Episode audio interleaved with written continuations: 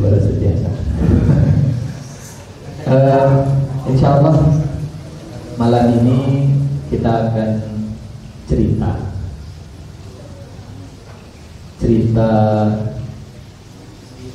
pada tahun yang lalu berarti. Nanti 2018 2019 ini kejadiannya tahun 1453 berarti tahun berapa tahun yang lalu 1400 ke 2018 600 kurang lebih 600an tahun yang lalu.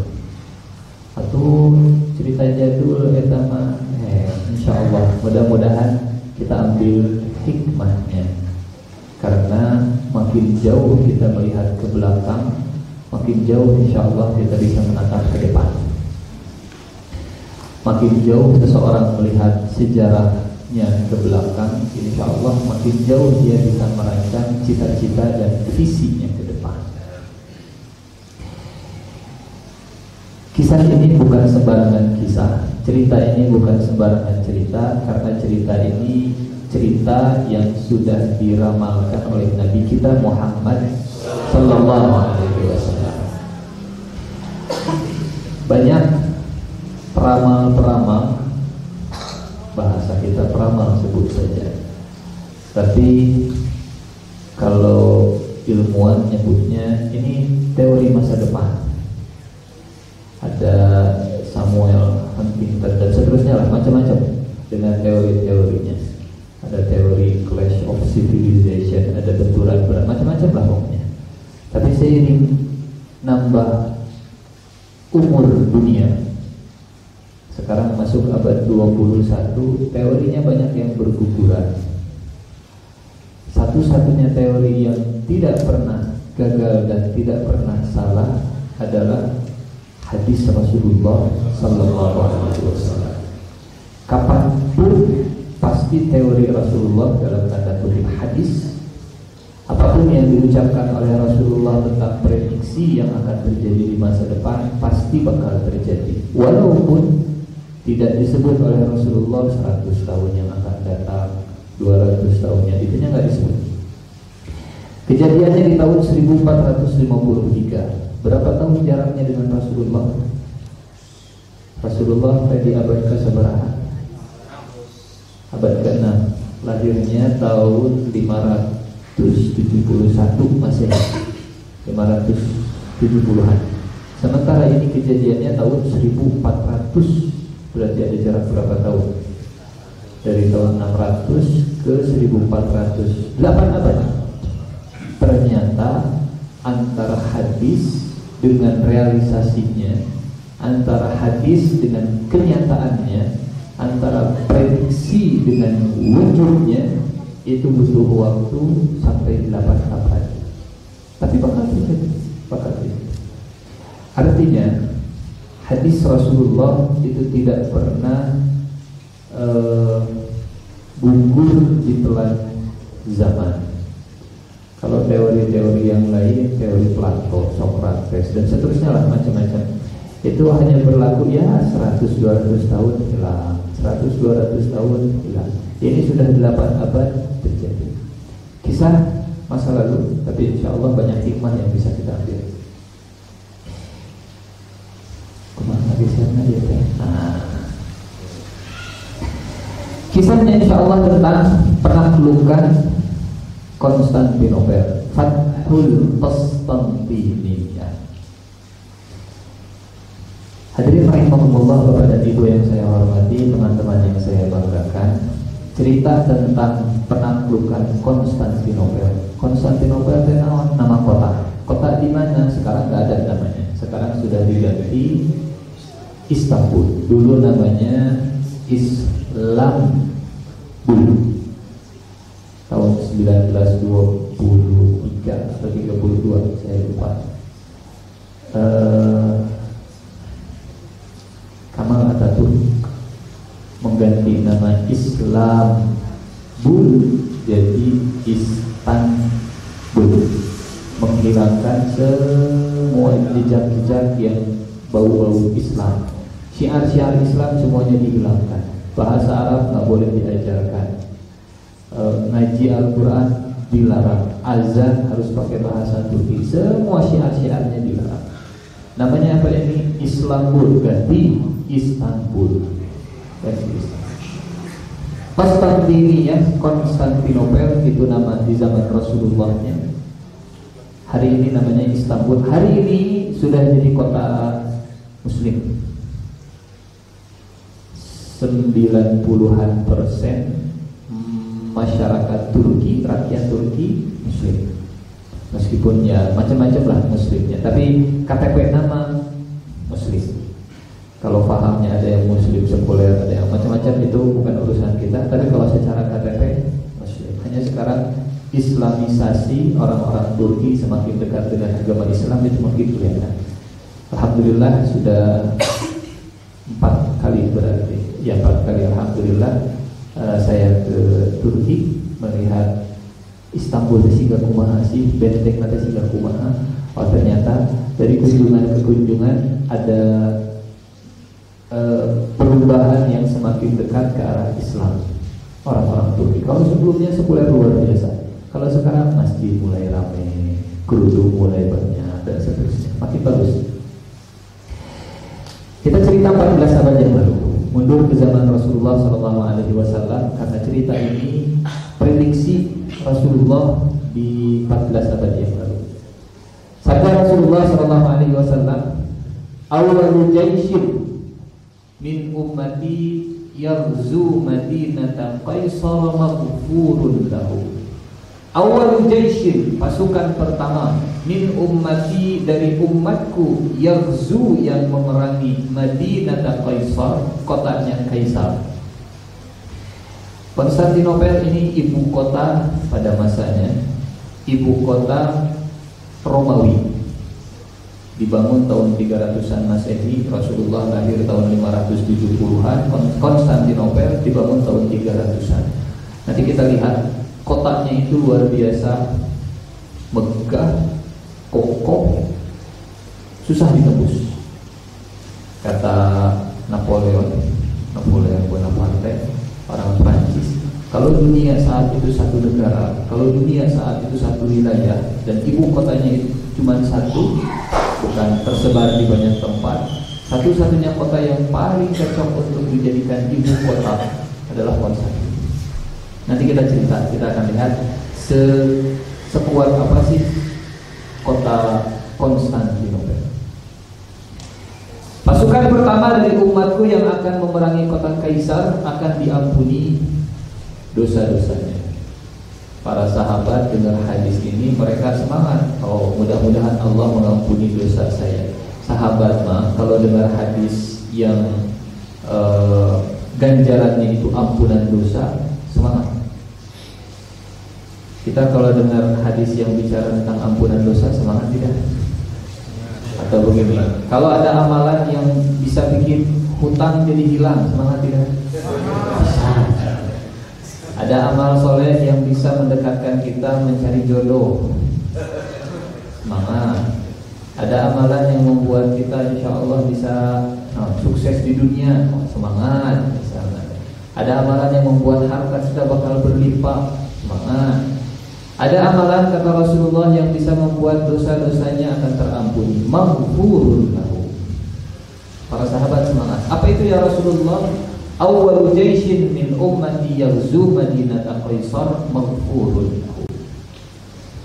Saya lupa untuk uh, nempelin peta. Peta jarak Madinah ke Istanbul. Nanti bisa di Google googling Rasulullah bilang hadis ini Rasulullah bersabda dengan hadis ini di Madinah. Konstantinopel di mana? Konstantinopel di Turki. Ibarat kita lagi di Mesir Impun Barat Kita ngomongin negara mana misalnya? Hah? negara Major misalnya Uni Soviet misalnya Uni Soviet. Atau Cina lah misalnya atau Tiongkok. Awwalu jaishin min ummati yaghzu madinata Beijing. Bisa. Maghfurun lahu. Bisa. Cik atau ya Rasulullah orang teh masih kena di Madinah. Nah jauh-jauh pikiran ke Konstantinopel. Beren buat sebagian muslimnya yang yang yang tinggal saat punten. Ada satu ayat dalam Al-Qur'an. Satu ayat di Al-Qur'an. Turunnya itu waktu Rasulullah di kota Mekah. Turunnya itu waktu Rasulullah ditindas, ditekan oleh orang-orang Quraisy ayatnya berbicara tentang negara lain. Surat Ar-Rum. Apa artinya Ar-Rum? Romawi. Romawi di mana? Ini Mekah, ini Madinah, ini Syam. Romawi. Kadituna ke arah Eropa, kaluhurna ke arah Rusia, Romawi. Romawi dan Persia. Sementara Rasulullah di Mekah ditindas kene Turun surat Ar-Rum Bismillahirrahmanirrahim Alif Lam Mim Ghulibatir Rum Fi adnal ardi wa hum min ba'di Fi bidai qablu wa min ba'du wa yawma idhi yafrahul mu'minun Alif Lam Mim Romawi sudah Eh, ya Rasulullah, orang tadi Mekah masih kena ditindas ke orang Quraisy naonan atau nggak bahas tentang Romawi sekarang. Jauh aneh atau ke Romawi mah jadi Mekah kena jadi orang jadi tindas naonan nggak bahas tentang Romawi. Kurang lebih mungkin sebagian uh, orang akan berpikir seperti itu. Apa maknanya surat Ar-Rum diturunkan ke Rasulullah? Kalau buat kita hari ini maknanya begini Walaupun kita tinggalnya, saya tinggal di Cimahi, Bapak dan Ibu teman-teman tinggalnya di Pasir Ibu Barat, bukan berarti pikiran atau saya pikiran mah di Bandung Bungkul, pikiran jauh-jauh. Muslim itu punya wawasan mendunia. Think globally, act locally. Pikiran wawasannya internasional, tapi aksi-aksinya lokal. Jadi dia melangit pikirannya, tapi tetap membumi perbuatan-perbuatannya. Rasulullah masih di Mekah, tapi bicara tentang Ramadan. Atau contoh, contoh, contoh, contoh. Waktu perang Khandaq, perang paling tahun kelima Hijriah ada perang paling. Kan ada batu halangan. Ada satu batu, kata para sahabat, ya Rasulullah, kita lagi gali parit, panjangnya 6 kilo, lebarnya 5 meter. Tapi ada satu batu, kita nggak bisa ngancurin batu ini ya Rasulullah. Kata Rasulullah, tunggu, biar nanti saya turun. Rasulullah mengambil kampak, dipukul batunya, kejret keluar api. Kata Rasulullah, Allahu Akbar. Yaman akan kita kuasai. Pukul, kejret Persia akan kita kuasai. Kejret Romawi akan kita kuasai. Padahal saat itu, waktu perang Khandaq, Rasulullah mau berhadapan dengan 10.000 pasukan musuh yang datang dari Mekah. Ada Rasulullah bicaranya tentang Persia. Romawi, Yaman. Apa kata orang munafik? Eh, tokoh pemikiran Persia itu. Iya, iya, iya. Yang seribu. Apa maknanya? Atau contoh, contoh, contoh. Rasulullah lagi hijrah. Rasulullah lagi. Eh, dikejar sama orang Quraisy, kafir Quraisy, namanya Surokoh bin Malik. Surokoh bin Malik. Dikejar Surokoh bin Malik, jatuh. Dikejar lagi, jatuh lagi. Dikejar lagi, jatuh lagi. Kata Suraqah Muhammad, "A'tinil aman, tolong buat saya aman Muhammad, saya nggak mau jatuh-jatuh lagi." Kata Rasulullah, "Kau aman." Datang Suraqah pelan-pelan.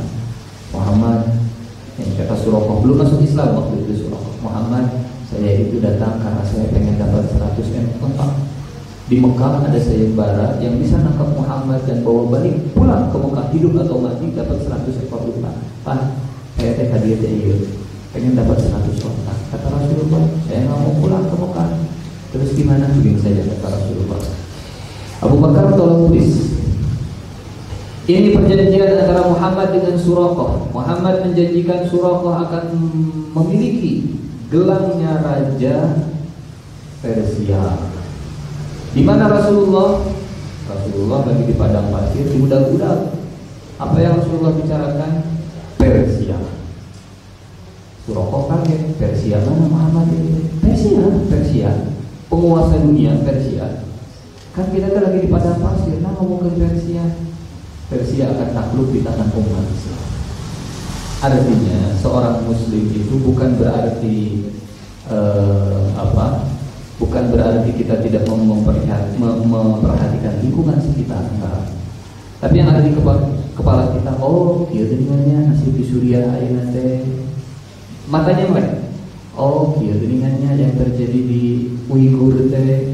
Matanya mereka. Walaupun dia tinggalnya di Cimahi, walaupun dia tinggalnya di Pasir Impun, oh dia dengannya yang kejadian di Palestina teh, oh dia dengannya kondisi di Maroko teh.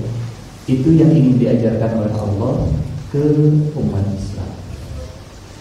Di Madinah Rasulullah bicara tentang Madinah Qaisar. Ini Madinah.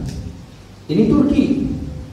Turki jauh bisa dari Madinah teh kudu kaluhur kalau sekarang ada Jordania kalau deui ada Syam Palestina kalau deui ke belah itu ada Lebanon kalau deui aya Suria kalau aya Turki kalau deui ke Eropa.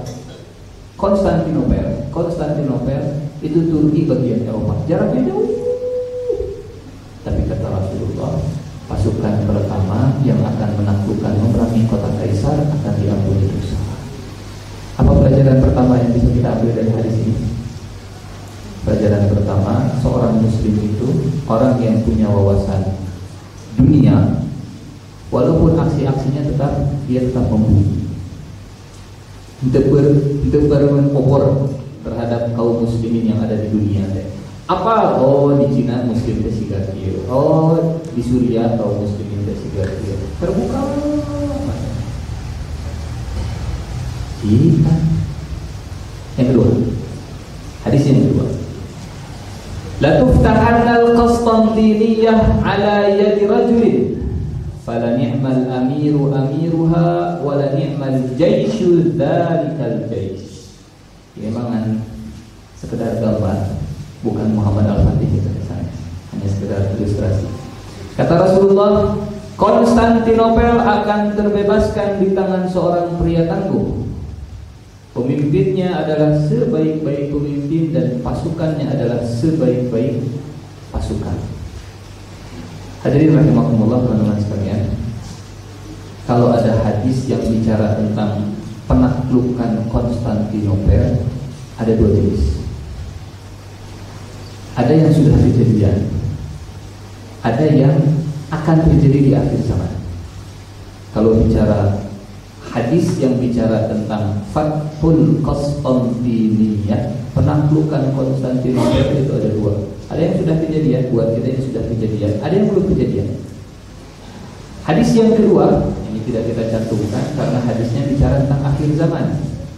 Hadisnya begini lengkap. Kata Rasulullah Sallallahu Alaihi Wasallam Umranu Baitil Maqdis Kharab Yathrib wa kharabu Yathrib uh, Fathul Qastantiniyah wa Fathul Qastantiniyah khurujul malhamah wa khurujul malhamah khurujul dajjal.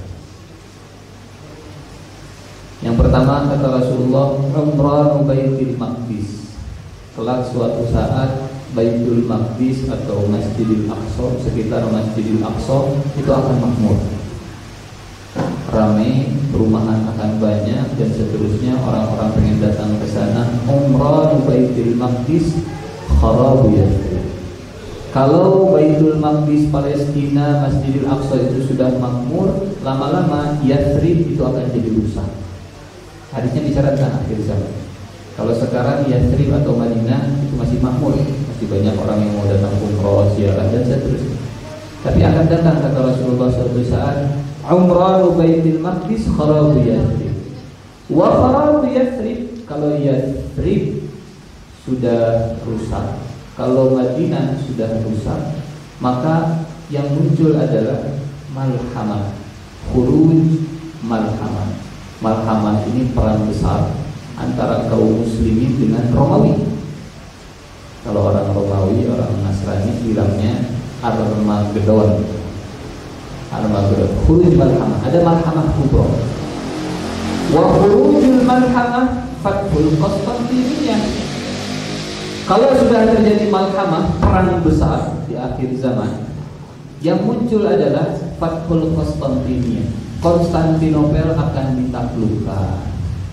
Wa Fathul Konstantinia khurujud dajjal. Dan kalau Konstantinopel sudah ditaklukkan, yang keluar berikutnya adalah. Jadi ada penaklukan Konstantinopel yang ini. Ada penaklukan Konstantinopel yang akan terjadi di zaman. Ada dua kali penaklukan Konstantinopel. Maknanya, maknanya kalau dulu Muhammad Al-Fatih sudah menaklukkan Konstantinopel sudah tahun 1453 ternyata ada hadis lagi yang bicara tentang penaklukan Konstantinopel dekat waktunya dengan keluarnya Dajjal di akhir zaman ada lagi penaklukan Konstantinopel setelah perang Armageddon Malhamah tadi setelah perang perang besar. Ada penaklukan Konstantinopel dan ada keluarnya. Seolah Rasulullah ingin bilang begini Konstantinopel itu akan ditaklukkan dua kali oleh kaum muslimin yang pertama sudah 1453, yang kedua nanti dekat-dekat dengan keluarnya Dajjal. La tuftahanna al-Qastantiniyyah fala ni'mal ala yadi rajulin fala ni'mal amiru amiruha wala ni'mal jaishu dzalikal jaish. Konstantinopel akan takluk di tangan seorang pria tangguh. Pemimpinnya sebaik-baik pemimpin, pasukannya sebaik-baik pasukan.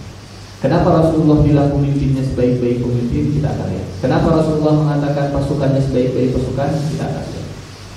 Ini petanya. Peta Konstantinopel, peta Istanbul, peta kota yang kata Rasulullah akan ditaklukkan oleh kaum muslimin.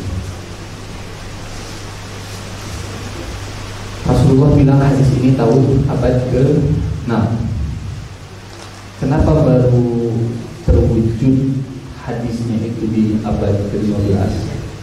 6 kali 15 harapan Sudah abad 8 abad lebih Kenapa 800 tahun? Kenapa sih enggak di zaman Rasulullah? Kenapa sih enggak di zaman Abu Bakar? Kenapa sih enggak di zaman Umar? Kenapa sih enggak di zaman Utsman dan seterusnya? Namun sih hesek nah Konstantinopel sampai susah ditembus. Apa sih kelebihan Konstantinopel? Hadirin rahimahullah, Konstantinopel. Ini kota nanti bisa dilihat di Google Map Istanbul. Ya, petanya nggak jauh dari ini. Ini peta zaman dulu. Konstantinopel atau Istanbul itu kota yang terletak di antara dua benua ini nanti bisa dilihat. Ini benua Asia. Dia benua Asia. Sebelah sini benua Eropa. Turki itu negara yang terletak di antara dua benua.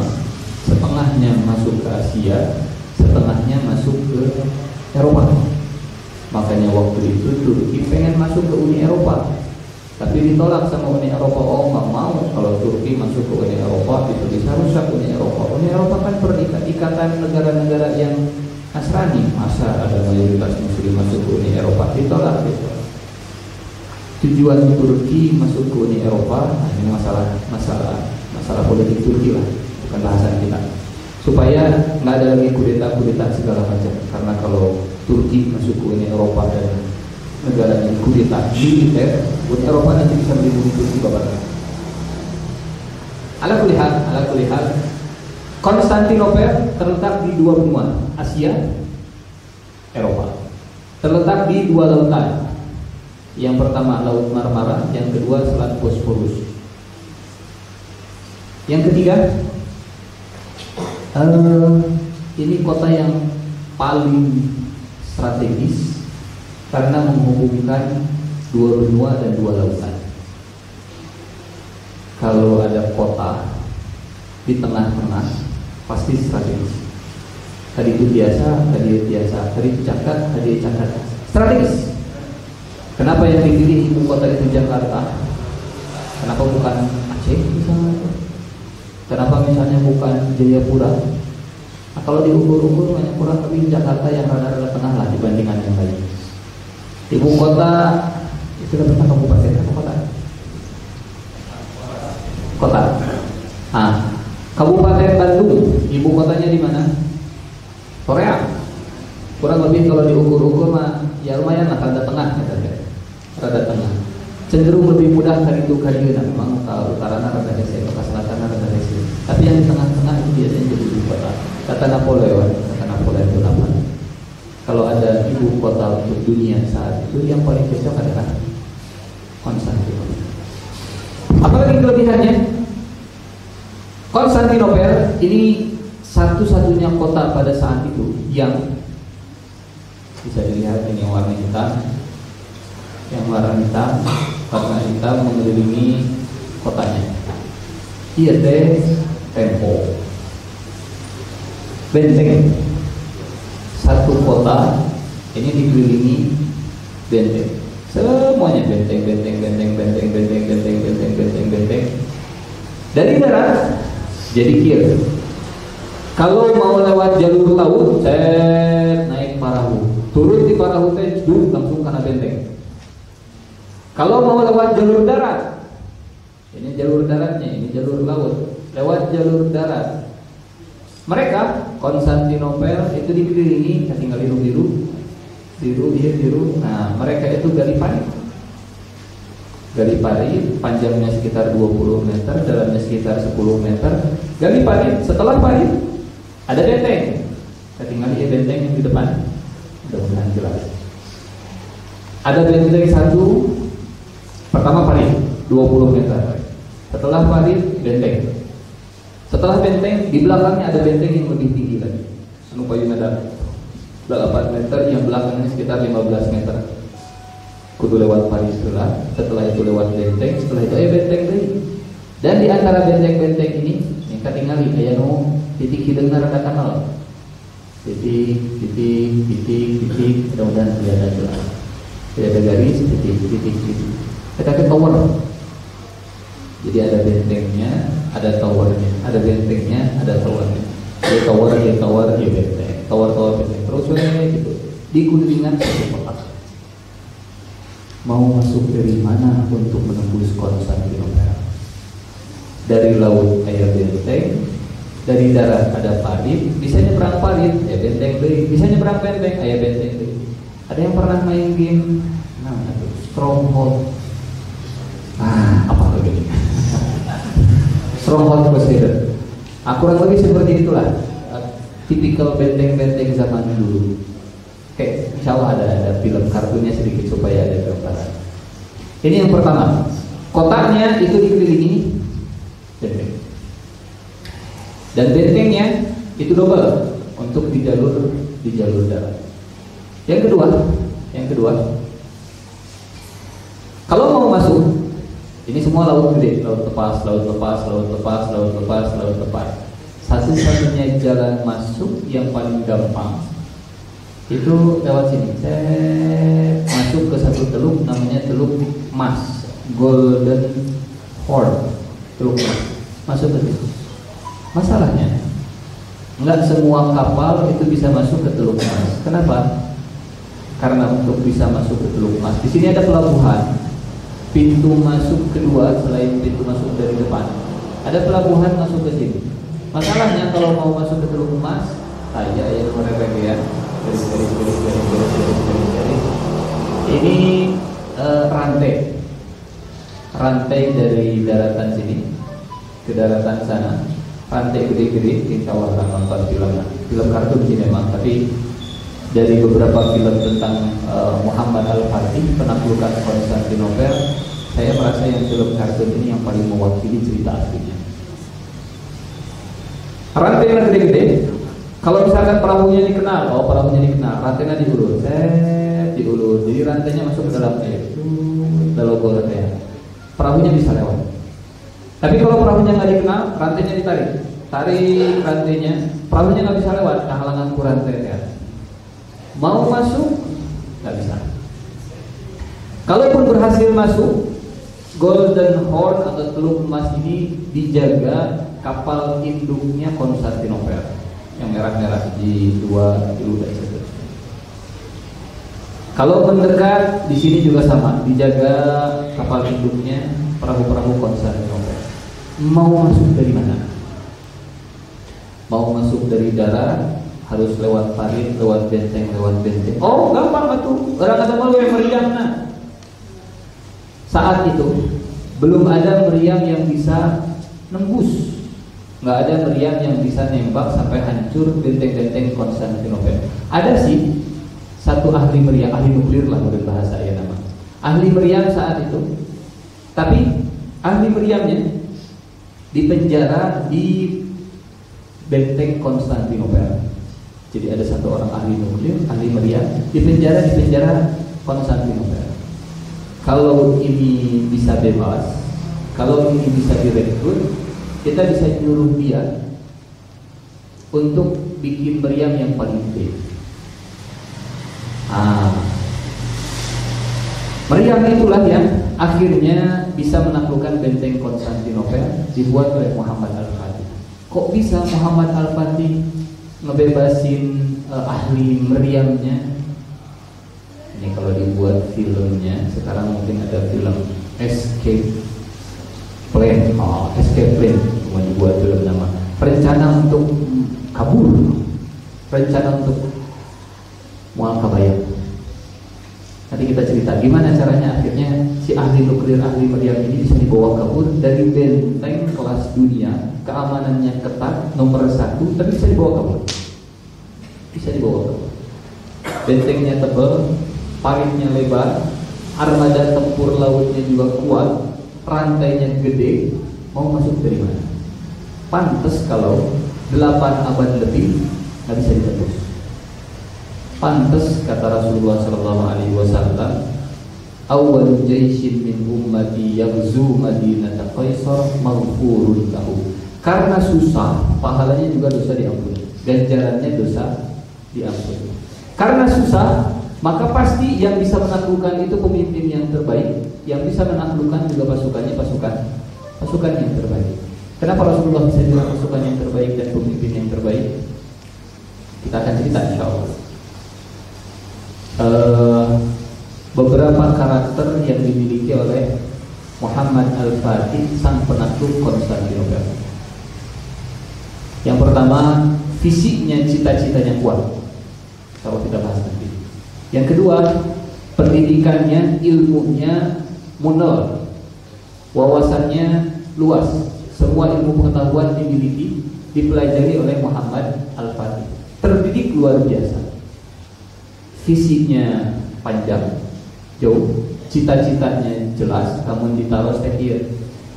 Muhammad Muhammad al-Fatih Rasulullah Muhammad kalau gede mau jadi apa? Apa ya? Kadang sebagian orang kamu ditaruh anjing badan naon kemasukan darah. Jangankan bicara satu tahun, sepuluh tahun, cita-cita ke depan, itu kayak jadi kemasukan Besok saja sebagian nah, dia begitu begitu. Jadi dia insya Allah duka. Kalau ditanya Muhammad Al Fatih jelas, saya cita-citanya pengen ini, saya keinginannya ini. Yang kedua, uh, ilmunya luar biasa, pendidikannya luar biasa, pengetahuannya banyak, wawasannya banyak. Yang berikutnya ini sifat Muhammad Al Fatih, karakter Muhammad Al Fatih karakter kita belum bicara amal apa saja yang dimiliki oleh Muhammad Al-Fatih. Satu cita-citanya kuat. Visinya jelas. Yang kedua wawasannya banyak. Ilmunya luas pengetahuannya banyak. Yang ketiga tekadnya mantap. Tekadnya kuat. Tekadnya kuat. Dari mana kita tahu kalau Muhammad Al-Fatih tekadnya kuat? Ini teman-teman punten tolong bayangkan Delapan abad Konstantinopel nggak bisa ditembus. Sekarang saya yang mimpin. Kira-kira punya pikiran gini kan? Bahwa lagi delapan abad itu bisa, hanya kurang bisa. Delapan abad Konstantinopel sudah uh, sudah dicoba pengen di, di, ditaklukkan. Ada yang berhasil. Memangnya saya lebih jago dari orang-orang sebelum saya. Kalau nggak punya tekad yang kuat, kalau nggak punya keinginan yang kuat, hanya betul itu bisa punya orang kekurangan bisa Muhammad Al-Fatih mikirnya begini mungkin ada sesuatu yang tidak dikerjakan oleh orang-orang sebelumnya, saya harus mengerjakan. Saya cita-citanya pengen begini, kudu bisa, kudu bisa. Ini kalimatnya Muhammad Al-Fatih. Inna li qalban kasakhrin la yalinu wa la yahda hatta uhaqqiqa Saya itu punya punya hati yang kalau sudah punya keinginan itu seperti batu nggak akan melemah, nggak akan lunak kecuali kalau keinginannya sudah terwujud. Muhammad. Itu di sini. Apa sih yang membuat Muhammad Al-Fatih itu akhirnya uh, ditakdirkan oleh Allah Subhanahu wa taala jadi penakluk Konstantinopel? Punten. Tolong jangan bayangkan Muhammad Al-Fatih itu soleh dari kecil. Ah, namanya anak sultan. Sultan, ini anak sultan lagi ramai anak sultan Muhammad Al-Fadli itu anak sultan. Bapaknya itu namanya Murad. Murad itu sultan penguasa. Penguasa uh, Utsmani Turki Utsmani ada film sekarang yang sedang dibuat oleh Turki. Film uh, tujuan filmnya untuk mengenang kejayaan Turki Utsmani judul filmnya uh, Dirilish Ertugrul bahasa Turkinya. Terjemahan bahasa Indonesianya kebangkitan Ertugrul. Barangkali ada yang pernah melihat kebangkitan Ertugrul. Proyek Turki untuk mengenang kembali tentang kebangkitan Turki Utsmani masa lalu.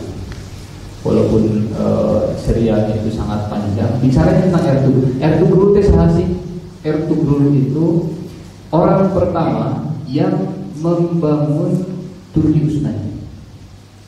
Muhammad Al-Fatih itu penguasa yang kesekian, penguasa yang ke-8 atau ke-7. Pertama Ertugrul bikin ya apa bikin kekuasaan sedikit-sedikit karena ketakwaan, keimanan amal solehnya lebar, gede. Keturunan yang kesekian baru muncul namanya Muhammad Al-Fatih. Jadi eh, di antara kekuasaan Allah yang namanya kesuksesan itu bukan hasil individu. Jangan bayangkan Muhammad Al-Fatih bisa menaklukkan Konstantinopel itu karena kerja Muhammad Al-Fatih sendirian kan. Ada kerja-kerja orang sebelumnya, ada kakeknya yang ke-8 yang bikin kekuasaan, yang bikin imperium atau kekuasaan uh, Turki Utsmani. Ayahnya, kakeknya sudah coba menghancurkan, sudah coba menaklukkan, belum berhasil, belum berhasil Datang Muhammad Al-Fatih berhasil uh, konser. Awalnya, cerita awalnya sekarang. Muhammad Al-Fatih itu awalnya seperti anak sultan yang lain. Main sana, main sini, hura-hura, leha-leha, dan seterusnya lah. Nggak ada pikiran sama sekali. Awalnya nggak ada pikiran sama sekali Muhammad Al-Fatih menaklukkan Konstantinopel. Baru lagi DC. Awalnya sama, normal kok bisa Muhammad Al-Fatih akhirnya bisa berubah, bisa jadi pemimpin yang terbaik? Apa sih sebabnya? Satu, bapaknya, ayahnya namanya Sultan Murad, yang kedua Murad Athani yang punya cita-cita. Bapak yang punya keinginan supaya anaknya itu jadi penakluk Konstantinopel. Dimulai dari orang tua. Ini kalau saya jadi orang tua, kita jadi orang tua. Teman-teman nanti kalau misalkan sudah besar jadi orang tua, e, ternyata cita-cita orang tua itu bisa jadi semangat anak kita. Di Al-Quran ada surat namanya surat Ali Imran. Apa sih inti dari surat Ali Imran? Apa sih inti kisah cerita dari Ali Imran? Intinya satu, orang tua yang punya cita-cita anaknya pengen jadi ah, anak sore pembebas Masjidil Aqsa kata ibunya kata istrinya Imran ini nazar ma fi batni muharrarat fataqabbal minni ya Allah saya bernazar yang ada di perut saya ini saya bebaskan untuk menjadi penakluk Masjidil Aqsa pada masanya pada saat. Yang pertama orang tua mau nggak mau orang tua juga punya peran. Yang kedua guru Muhammad Al-Fatih punya guru. Memang Muhammad Al-Fatih bukan didikan langsung orang tuanya karena Sultan Murad itu sibuk dengan uh, kekuasaan sibuk ngatur-ngatur pemerintah dan seterusnya. Sultan Murad panggil guru, namanya Ah Syamsuddin, dipanggil Ah Syamsuddin. Ada dua gurunya, yang pertama Ah Syamsuddin dan yang kedua Ahmad Al Khawarizmi. Dua gurunya dipanggil. Kata Sultan Murad, bapaknya Sultan Muhammad Al Fatih, saya minta dan amanahkan kepada kalian berdua, tolong ajari anak saya. Kalau dia bandel, buku sekali. Datanglah dua guru ini, Ahmad al ini dan Aksyam Suji ke Muhammad Al-Fatih. Kata beliau berdua, kami datang dapat amanah dari orang tua, dari Sultan untuk mendidik anda. Kata Muhammad Al-Fatih, suka-suka saya, mau orang ya, kayak ngaji-ngaji, kayak gitu-gitu. Mun ayam beren bibinya, datang lamun itu Kalau saya pengen main, main. Kalau enggak ya enggak. Itu jawaban Muhammad Al-Fatih di awal-awal sebelum belajar. Oh ternyata Muhammad Al-Fatih itu pemuda yang dapat hidayah. Hidayahnya di tangan siapa? Di tangan orang tua dan di tangan guru. Di tangan Allah Subhanahu wa taala pasti lewat orang tua dan lewat lewat guru. Jadi maksudnya begini. Jangan bayangkan Muhammad Al-Fatih. Eh, sih nanya jadi Muhammad Al-Fatih. Oh, enggak Ternyata Muhammad Al-Fatih itu manusia biasa, bukan nabi, bukan rasul, manusia biasa yang awalnya senang main dan seterusnya. Cuma karena orang tua dan gurunya yang luar biasa, jadilah sosok Muhammad. Datang sang guru, ku guru negeri cepat cebrut. Saya sudah diamanahi oleh Sultan untuk mendidik Anda. Muhammad Al-Fatih kaget. Iya tara-tara ya. Ada guru yang berani ke anak sultan Anak sultan makan bebas. Anak sultan bebas. Orang kaya anak sultan bebas. Tapi ternyata ada guru yang berani nggak bau anak penguasa atau benar jadi rewas gitu mah. Nggak biasanya ada guru yang bisa tegas ke penguasa. Akhirnya di situ mulai belajar. Apa yang dipelajari oleh Muhammad Al-Fatih? Di Quran. Yang dipelajari oleh Muhammad Al-Fatih? Quran hafal Al-Quran Muhammad Al-Fatih di usia yang masih sangat muda. Oh ternyata pemimpin yang terbaik itu pemimpin yang punya hubungan dekat dengan Al-Quran. Semua, semua, semua pemimpin hebat itu dekat dengan Al-Quran. Nggak ada pemimpin yang hebat yang nggak dekat sama Al-Quran. Semuanya dekat dengan Al-Quran. Semuanya dekat dengan Al-Quran. Apalagi Muhammad Al-Fatih, kehebatannya itu sampai hafal Al-Quran di usia 30 juz di usia belasan tahun. Kurang apa coba itu? Juz 30. 30. Ada yang 30 juz mungkin di sini? Kalau ada pengen saya kasih hadiah. Alhamdulillah. Al-Quran, Al-Quran yang pertama. Yang kedua, yang dikuasai oleh Muhammad Al-Fatih semua teknologi, semua ilmu yang dimiliki pada zamannya itu Muhammad Al-Fatih menguasai. Kalau sekarang, kalau sekarang teknologi yang uh, modern handphone, eh punten. Uh, teh saya belum tahu atau memang belum ada saya nggak tahu. Handphone mana yang buatan Indonesia? Alat elektronik apa yang buatan Indonesia? Barangkali ada yang tahu. Barang yang buatan Indonesia. Murni buatan Indonesia. Uh, raw materialnya bahan mentahnya dari Indonesia olahannya orang Indonesia. Uh, asli Indonesia. Sejauh yang saya tahu saya belum menemukan semuanya dari luar dari luar dari luar ini HP kita Samsung Korea kita tahu Korea dulu itu jauh di bawah kita nanti saya cari perjalanan ekonomi Korea. Awalnya Korea itu niru-niru Jepang.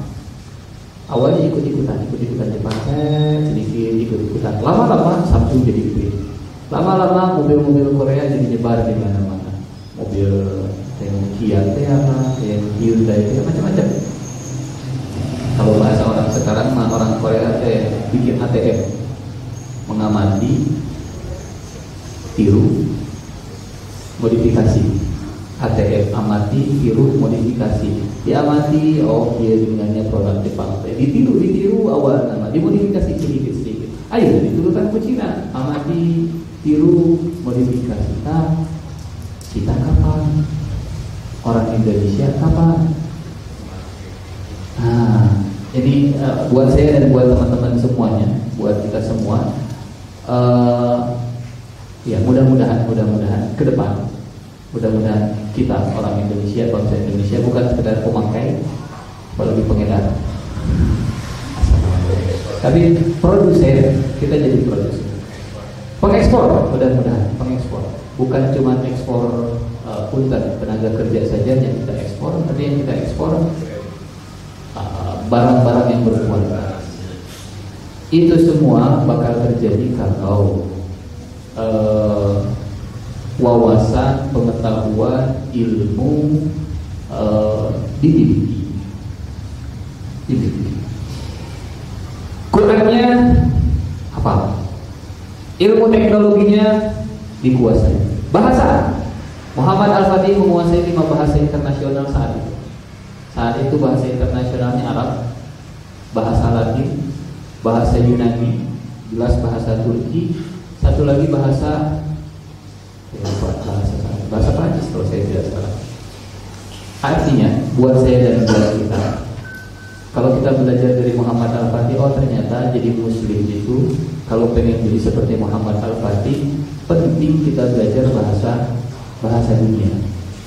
Mau bahasa dunia akhirat memberi bahasa Arab, dunia akhirat pertama bahasa dunia memberi bahasa Inggris, Prancis, ya, Cina dan seterusnya lah pokoknya bahasa Quran dikuasai. Jadi kita sedang cerita apa? Kita lagi cerita kenapa sih Rasulullah Shallallahu Alaihi Wasallam bilang kalau penakluk Konstantinopel itu laki-laki yang terbaik. Kenapa bisa jadi yang terbaik? Satu, karena Quran dikuasai.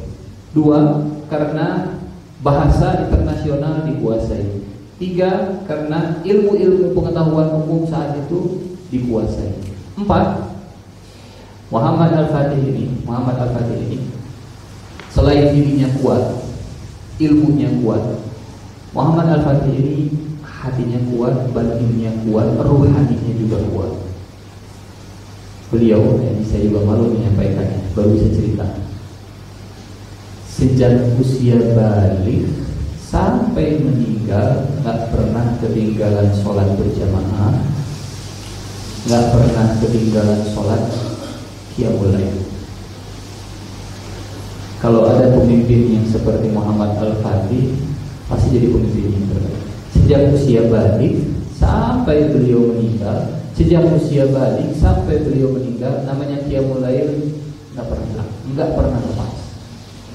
Di sini mikir lagi Malu menyampaikannya juga Karena kadang uh, mulainya mungkin bolong-bolong kadang mungkin baru tiga hari sekali kadang mungkin dan seterusnya. Kadang sholat berjamaah masbuk kadang kemacetan di jalan dan seterusnya. Sejak balik nggak pernah ketinggalan. Kuat di sini.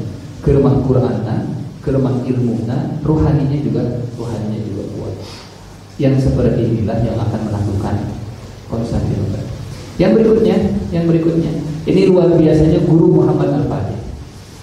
Setiap uh, setiap Muhammad Al-Fatih itu belajar, setiap Muhammad Al-Fatih belajar, gurunya selalu bilang, nah Rasulullah Shallallahu Alaihi Wasallam itu pernah bersabda, Konstantinopel sambil menuju ke arah Konstantinopel. Muhammad Al-Fatih di sini, Muhammad Al-Fatih di sini di wilayah Asia-nya, Konstantinopel di sini. Muhammad Al-Fatih itu diajak sama gurunya ke pinggir pantai tapi begitu. Nah, kata Rasulullah, Konstantinopel itu akan ditaklukkan. Dan kata Rasulullah, sebaik-baik yang menaklukkannya adalah pemimpin yang terbaik dan pasukannya pasukan yang terbaik. Saya berharap kamulah orang. Setiap belajar, saya berharap kamulah orang. Saya berharap kamulah orang. Saya harap kamulah orangnya. Jadi dari kecil saya sudah didoktrin kamu orangnya kamu orangnya, kamu orangnya, anta orangnya, kamu orangnya. Kalau anak kita, kalau kita punya anak yang sudah uh, menikah, Ada kita lah mendoktrin. Hafal 30 juz, insya Allah. Saya hafal 30 juz. Saya hafal insya Allah 30 juz. Saya hafal 30 juz. Setiap hari kita bilang begitu, insya Allah. Jadi semangat. Insya Allah visinya jadi kok. Atau bosan Ustaz ganti doa iman. Dina doa.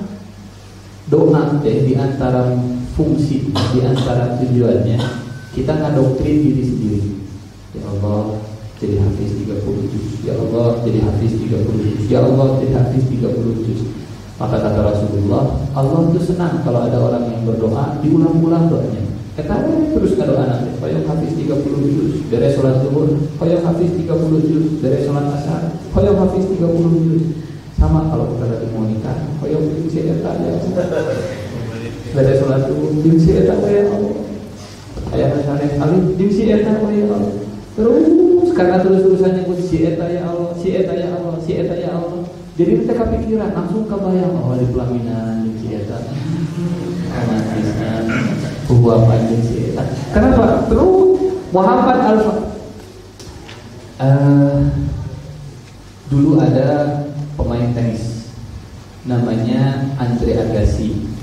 Tahun 80 sebenarnya pokoknya pemain tenis terkenal Andre Agassi.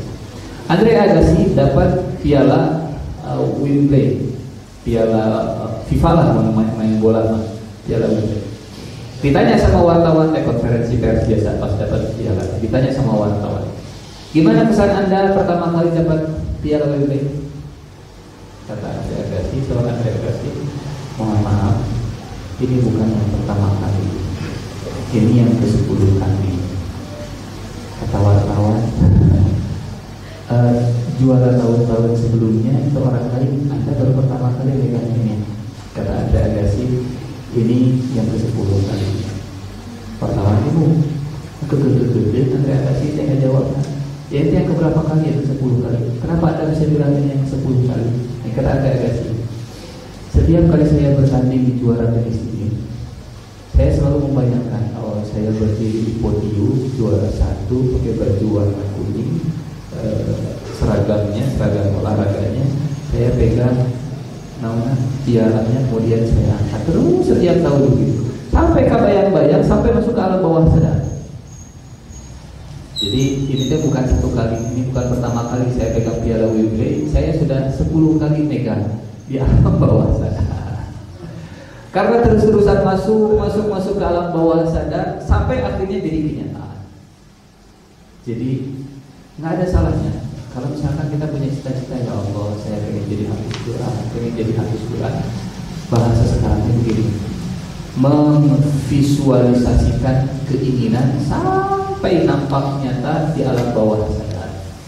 Kalau trainer-trainer masuknya dia itu Bapak-bapak ibu-ibu, kalau bapak-bapak ibu-ibu mau punya mobil, tolong bayangkan mesin suara mobilnya. Kalau misalnya pengen mobil diesel, bayangkan bunyi dieselnya. Bayangkan sampai dengan jelas nyata di telinga suara dieselnya. Sudah dibayangkan telinganya. Oke, sekarang bayangkan bapak dan ibu naik ke atas mobil. Bayangkan, bayangkan aroma yang baru keluar dari daerah. Kebayang sampai masuk ke alam bawah saya.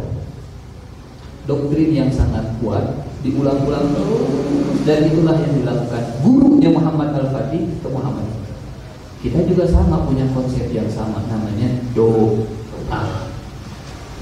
Doa itu di antara tujuannya selain kita minta sama Allah. Tujuannya mudah-mudahan itu masuk ke alam bawah kita.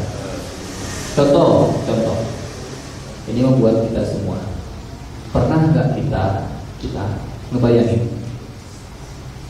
Ya Allah, ayo eh, mau menuju sholat Ya Allah, terus ngadoa dalam uh, dalam doa doa kita ya Allah, saya pengen dicabut nyawa lagi sujud sholat.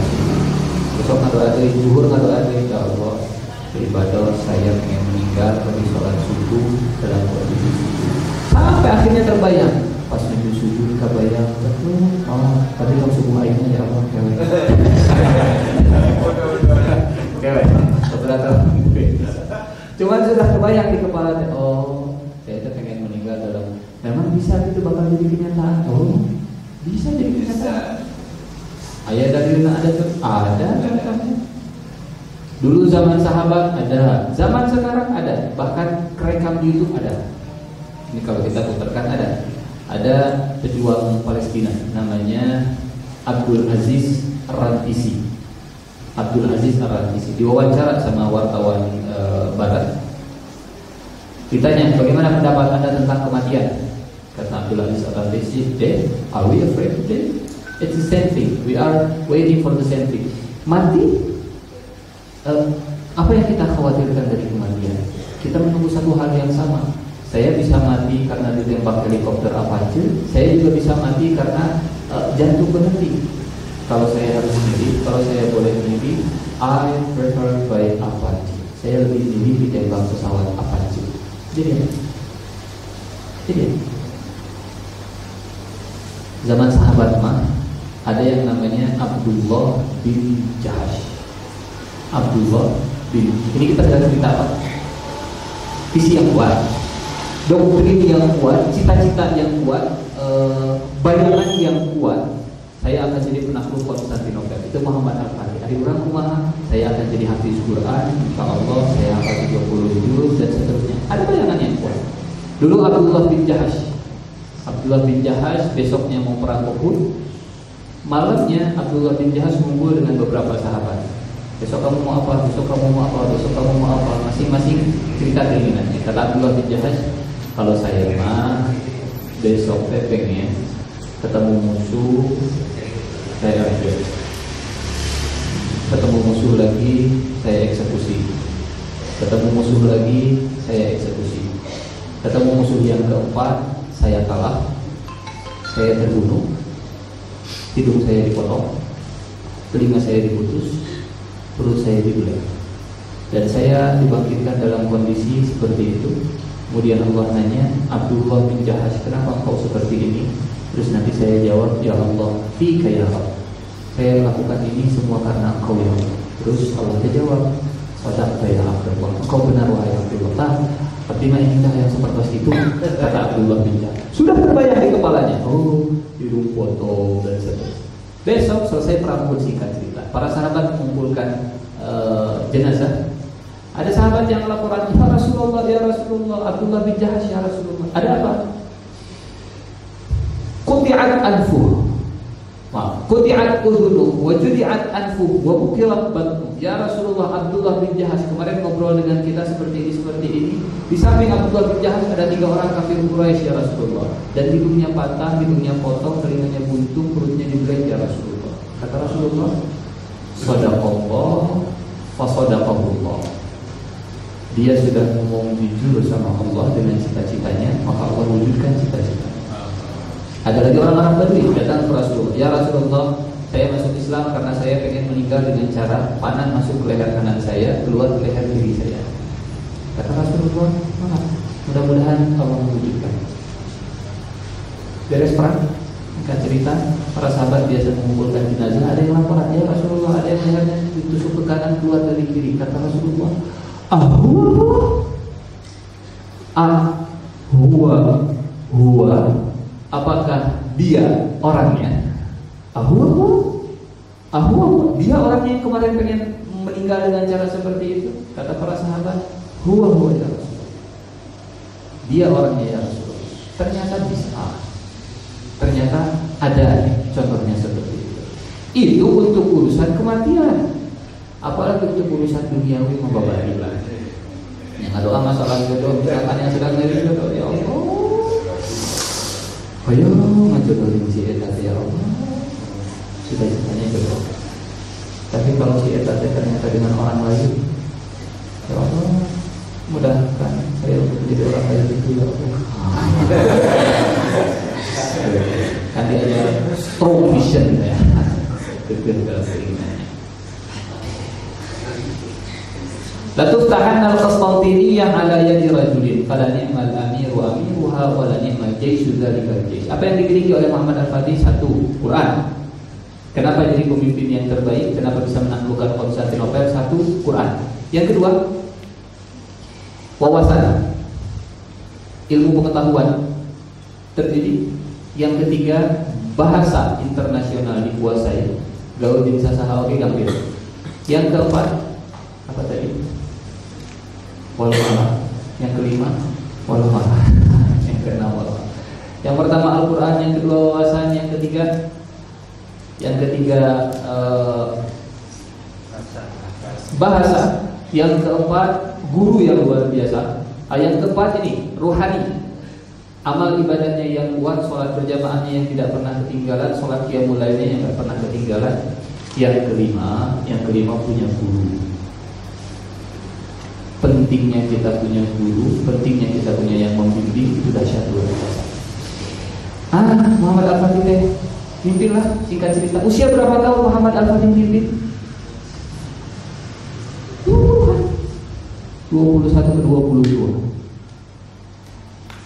dan uh, orang-orang ya orang-orang saat itu mikir bisa sih anak muda 21 mimpin mimpin uh, kekuasaan yang begitu besar semuanya merendahkan meremehkan meremehkan Konstantinopel bisa ditaklukkan oleh Muhammad Al-Fatih selang dua tahun dari kepemimpinan.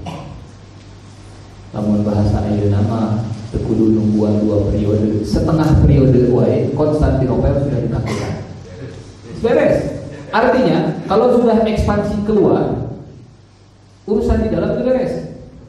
Nggak mungkin ekspansi keluar kalau di dalam nggak beres.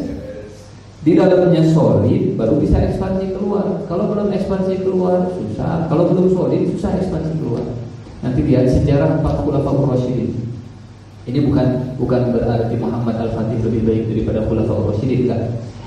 Lihat ekspansinya Abu Bakar, Umar, Utsman, Ali.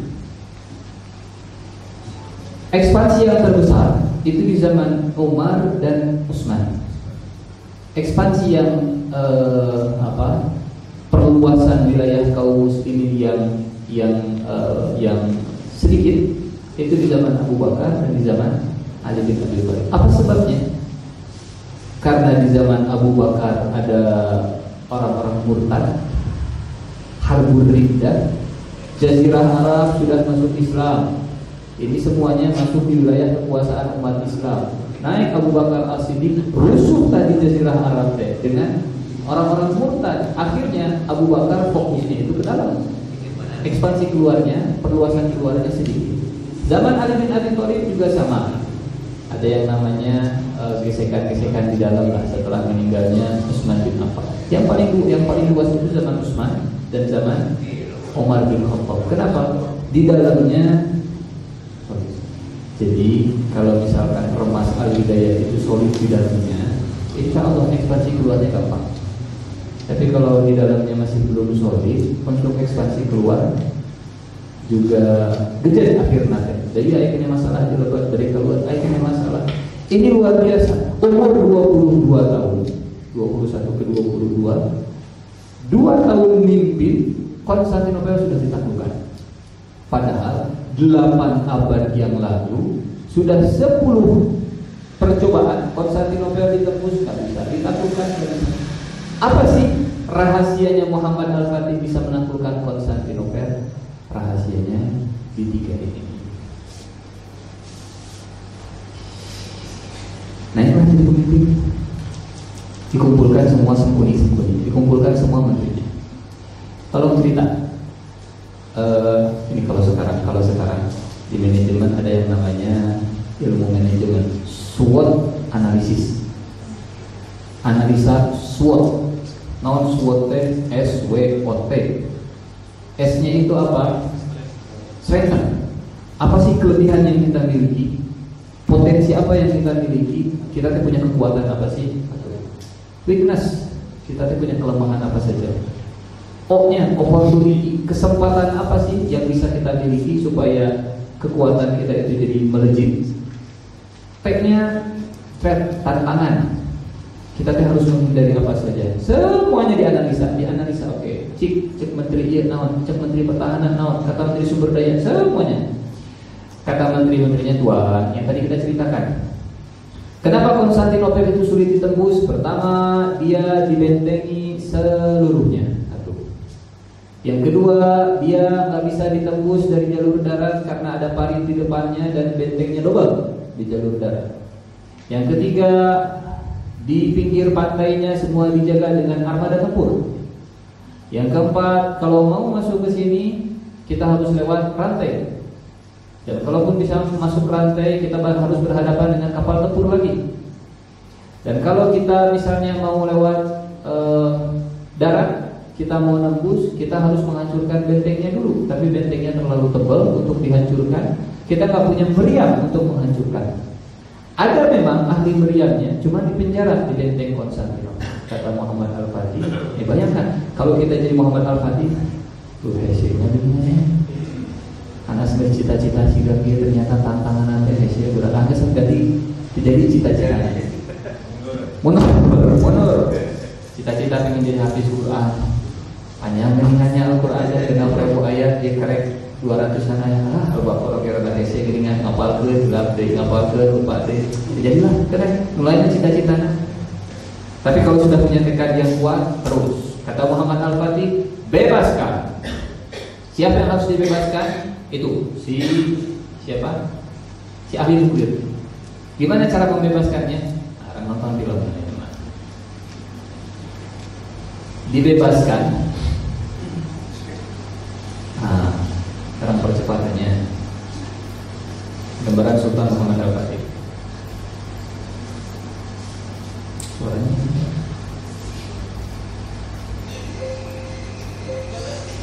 nah ini bentengnya. Kurang lebih gambarannya seperti ini.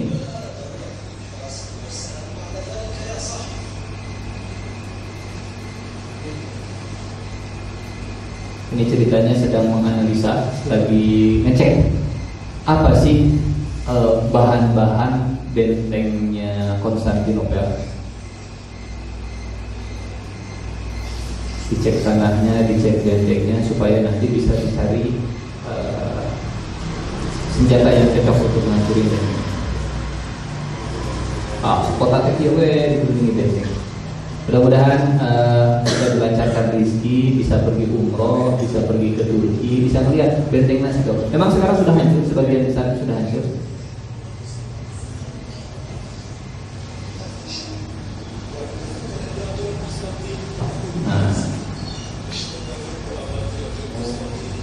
Jadi laut langsung ke benteng. Turun tina kapal we untuk naik kalau luhur lumayan kata saya.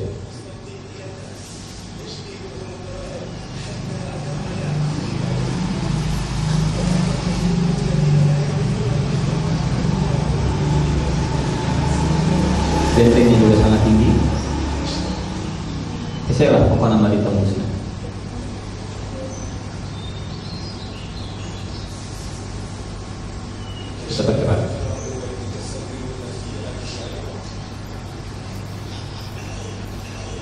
ceritanya penguasa Konstantinopel ya.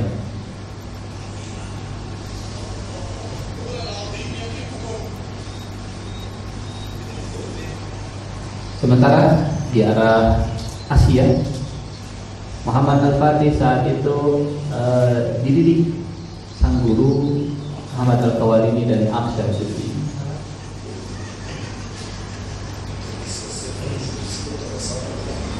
Sang guru ceritanya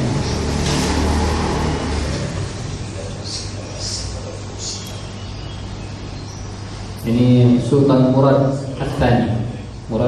kedua yang jadi gurunya Yang jadi orang tuanya Muhammad Al-Fatih Sultan Murad sedang minta ke gurunya Untuk mengajar anaknya Kita bercepat saja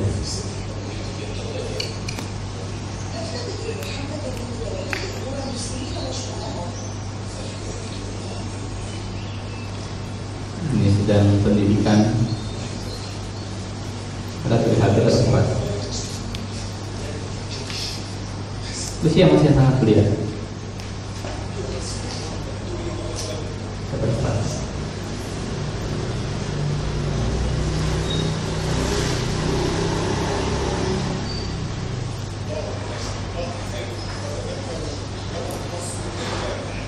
Waman nasru illa min indillah Tidak ada pertolongan kecuali dari Allah Subhanahu wa taala.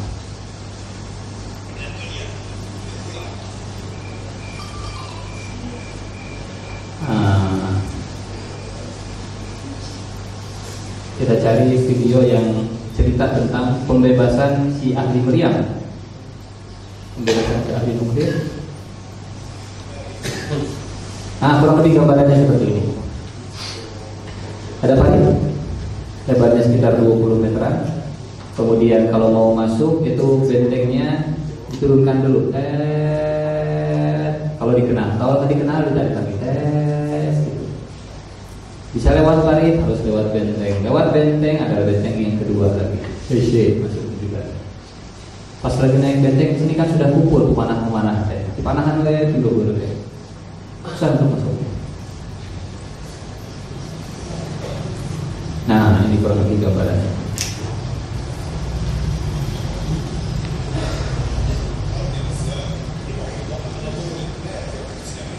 Muhammad Al-Fatih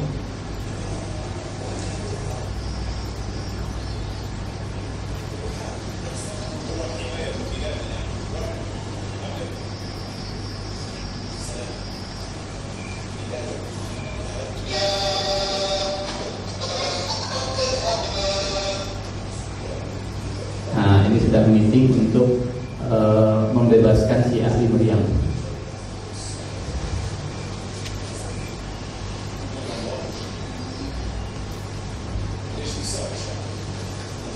Muhammad Al-Fatih itu tidak pernah lepas dari sang guru. Jadi penguasa yang tidak pernah uh, lupa dengan jasa sang guru, penguasa yang dekat dengan ulama kalau bahasa kita. Menghormati ulama luar biasa.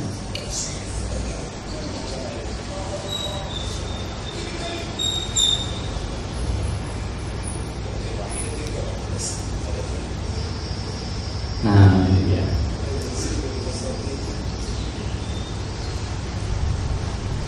Upaya pembebasan.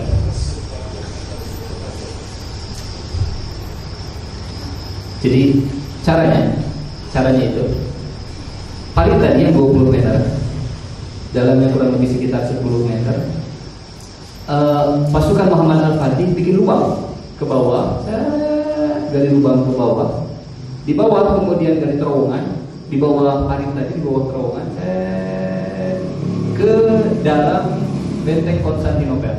Dari bawah terus naik ke atas. Nah, ini sedang mengukur. Naik ke atas pas di penjaranya si ahli nuklir tadi. Kalau lurus di atas tanah enak, eh, tapi kalau di bawah tanah susah.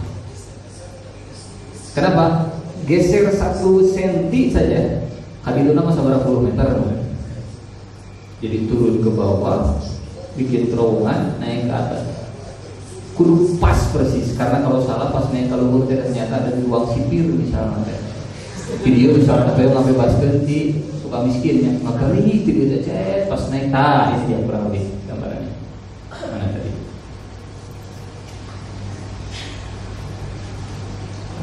Nah ini dia. Gali tanah ke bawah, ini paritnya, ini bentengnya, ini bentengnya.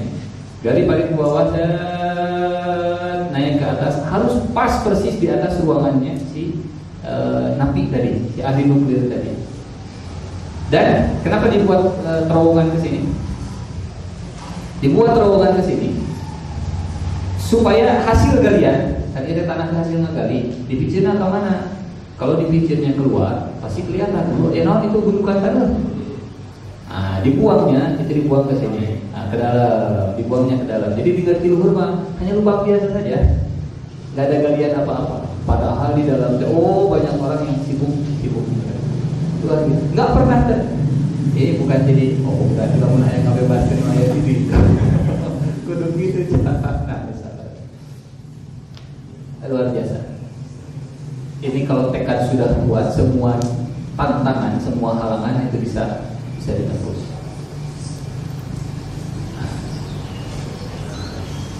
Luar biasa. Pantas kalau kata Rasulullah, pemimpinnya pemimpin terbaik, pasukannya pasukannya terbaik.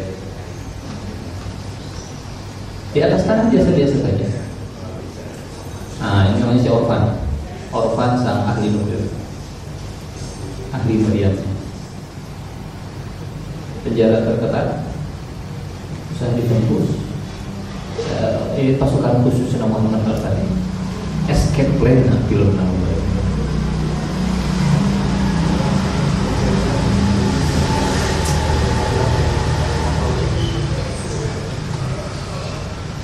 Ayo masjid, hanya waktu ta'am, ah, eh, nabi waktunya makan.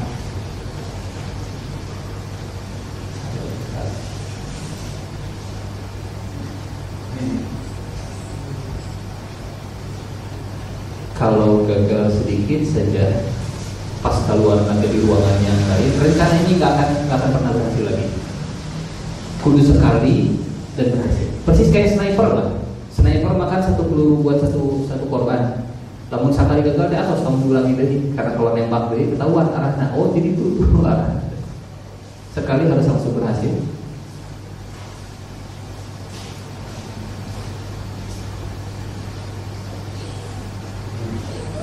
Korban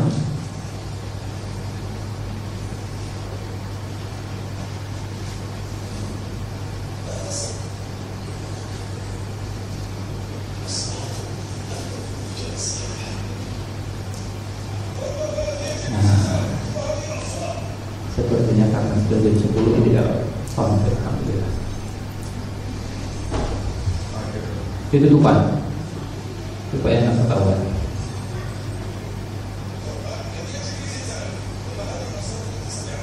Apa yang terjadi di ruangan? Pada berisik-berisik suaranya.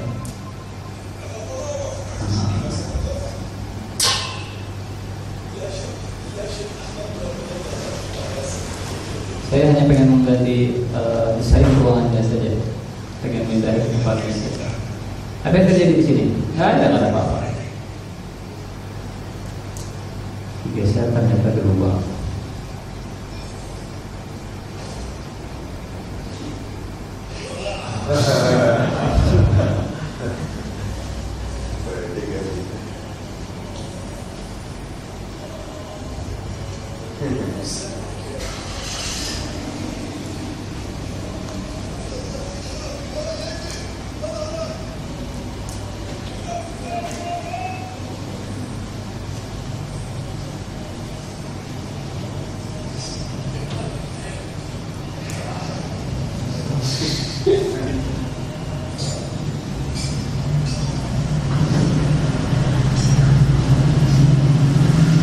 fisiknya kuat, otaknya cerdas, ibadahnya rajin, strateginya mantap. Ini yang dimiliki oleh Muhammad Al-Fatih dan pasukannya. Kunci ke. Nah, sudah dikunci. Kabur.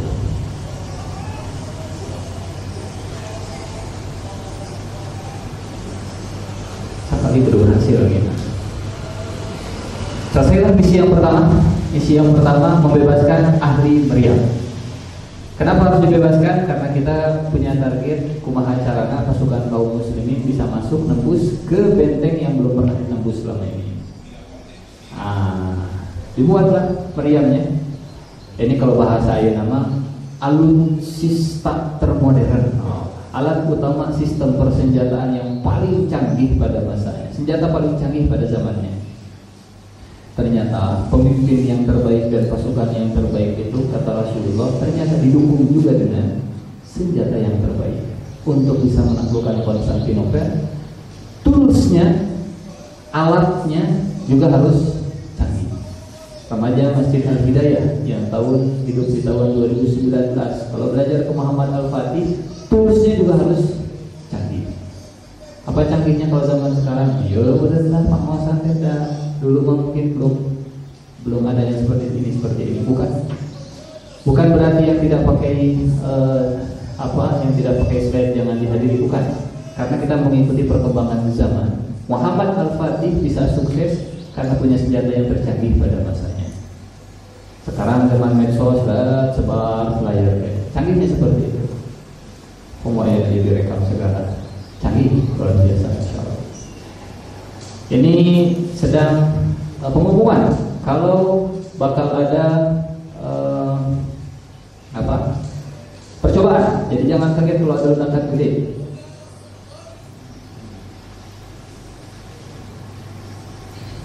Percobaannya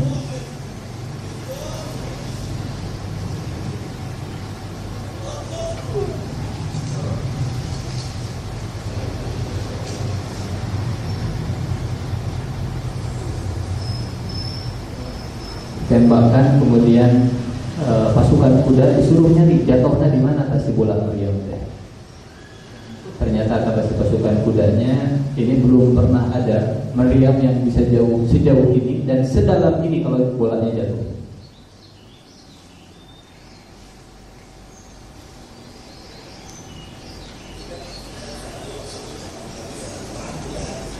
Adalah usaddiqu anna al-qadhifata qata'at kull hadhihi al-masafah. Saya enggak percaya ada Maryam yang bisa menempuh jarak sejauh ini. Sudah menjauh, pas jatuh itu ternyata sangat dalam. Oh, saya sudah nemu. Oh. Ambles.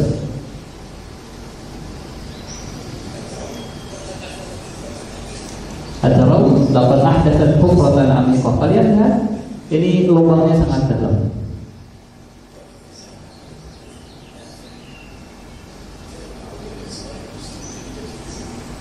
Falam yakun falam yaud di aswari Konstantinia di wujud. Kemungkinan besar benteng Konstantinopel ada lagi wujudnya.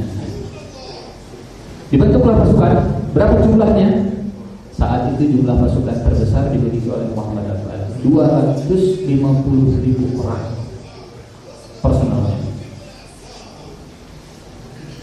Senjatanya terlengkap, pasukannya terbanyak, pemimpinnya orang yang soleh, ilmunya juga banyak, sholatnya juga tidak ketinggalan.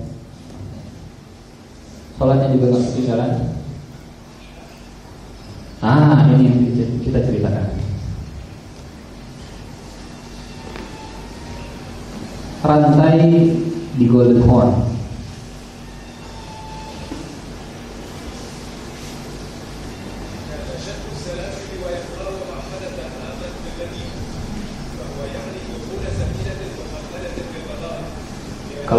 Perahunya dikenal, diturunkan.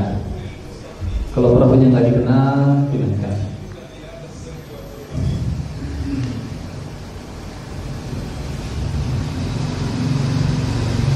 Ini golden hornnya, wilayah yang uh, paling gampang untuk dimasuki. Mulai pengapungan 250 ribu pasukan ke kota Konstantinopel.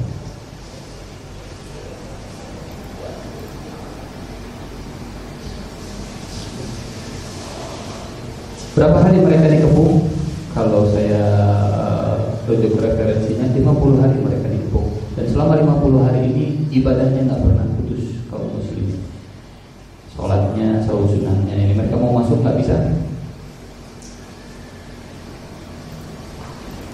Yang luar biasa, nah, yang luar biasa, ini yang terakhir, yang terakhir. Yang luar biasa dari Muhammad Al-Fatih, pasukan kaum muslimin di sini. Ini armada tempurnya di sini. Mau masuk ke sini tidak bisa. Akhirnya apa yang dilakukan? 70 armada tempur kaum muslimin diseret ke atas bukit, ini bukit diseret ke atas bukit, jaraknya 5 km. Tapi 5 km nya bukan kiri, enggak bukan datar. Naik, turun dan harus selesai dalam satu malam. Jadi yang namanya proyek Sangkuriang, Sangkuriang bisa nih. Sangkuriang Sangkur dari pada maghrib narik 70 perahu sampai ke bawah harus selesai sebelum subuh. Kenapa harus selesai sebelum subuh? Karena kalau besok pagi masih kelihatan, ya kan perahu-perahu ada di sini. Semuanya pasti bakal ngejar ke sini nyerang. Nah, perahu-perahu ini nyantai, tenang. Ada ada ada rantai, mereka nggak akan bisa nyerang ini. Mereka nggak akan bisa masuk karena ada rantai. Tapi justru karena mereka punya senjata, mereka punya rantai, mereka akhirnya lalai. Seringkali senjata terkuat itu melalaikan orang. Tenang, kita kan punya nuklir. Tenang, kan kita punya ini. Tenang, kan. Justru di situlah sering kali titik lemahnya. Akhirnya 70 armada kaum muslimin ditarik ke atas bukit turun dalam waktu satu malam. Gimana caranya? Ini yang nggak kepikiran sama sekali oleh orang-orang sebelumnya. Sama sekali tidak terpikir bahkan oleh orang-orang zaman sekarang. Nah.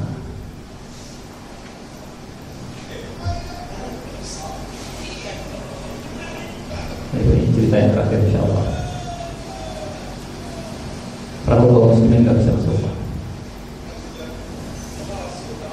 Nah, ini dia. Apa yang dilakukan? Muhammad Minta pertama pohon-pohon ditebang dibuat bantalan rel yang tadi kita ceritakan uh, rantai ada di sini rantai ke terhalang oleh tangan Muhammad Al-Fatih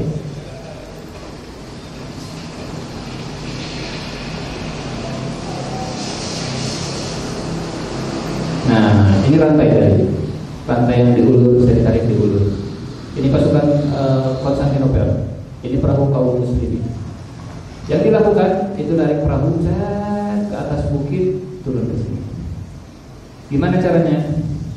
Pohon-pohon ditebang, dibuat bantalan rel, disimpan di atas bukit, eh, sampai turun. Setelah itu dikasih uh, minyak. Karena kalau nggak dikasih minyak, kayu dengan kayu itu seret. Dikasih minyak.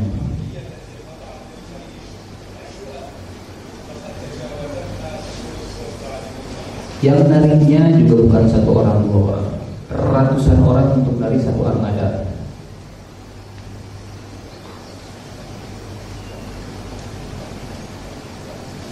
Tuh, perahu ditarik ke atas bukit. Bukan satu dua tiga tujuh puluh.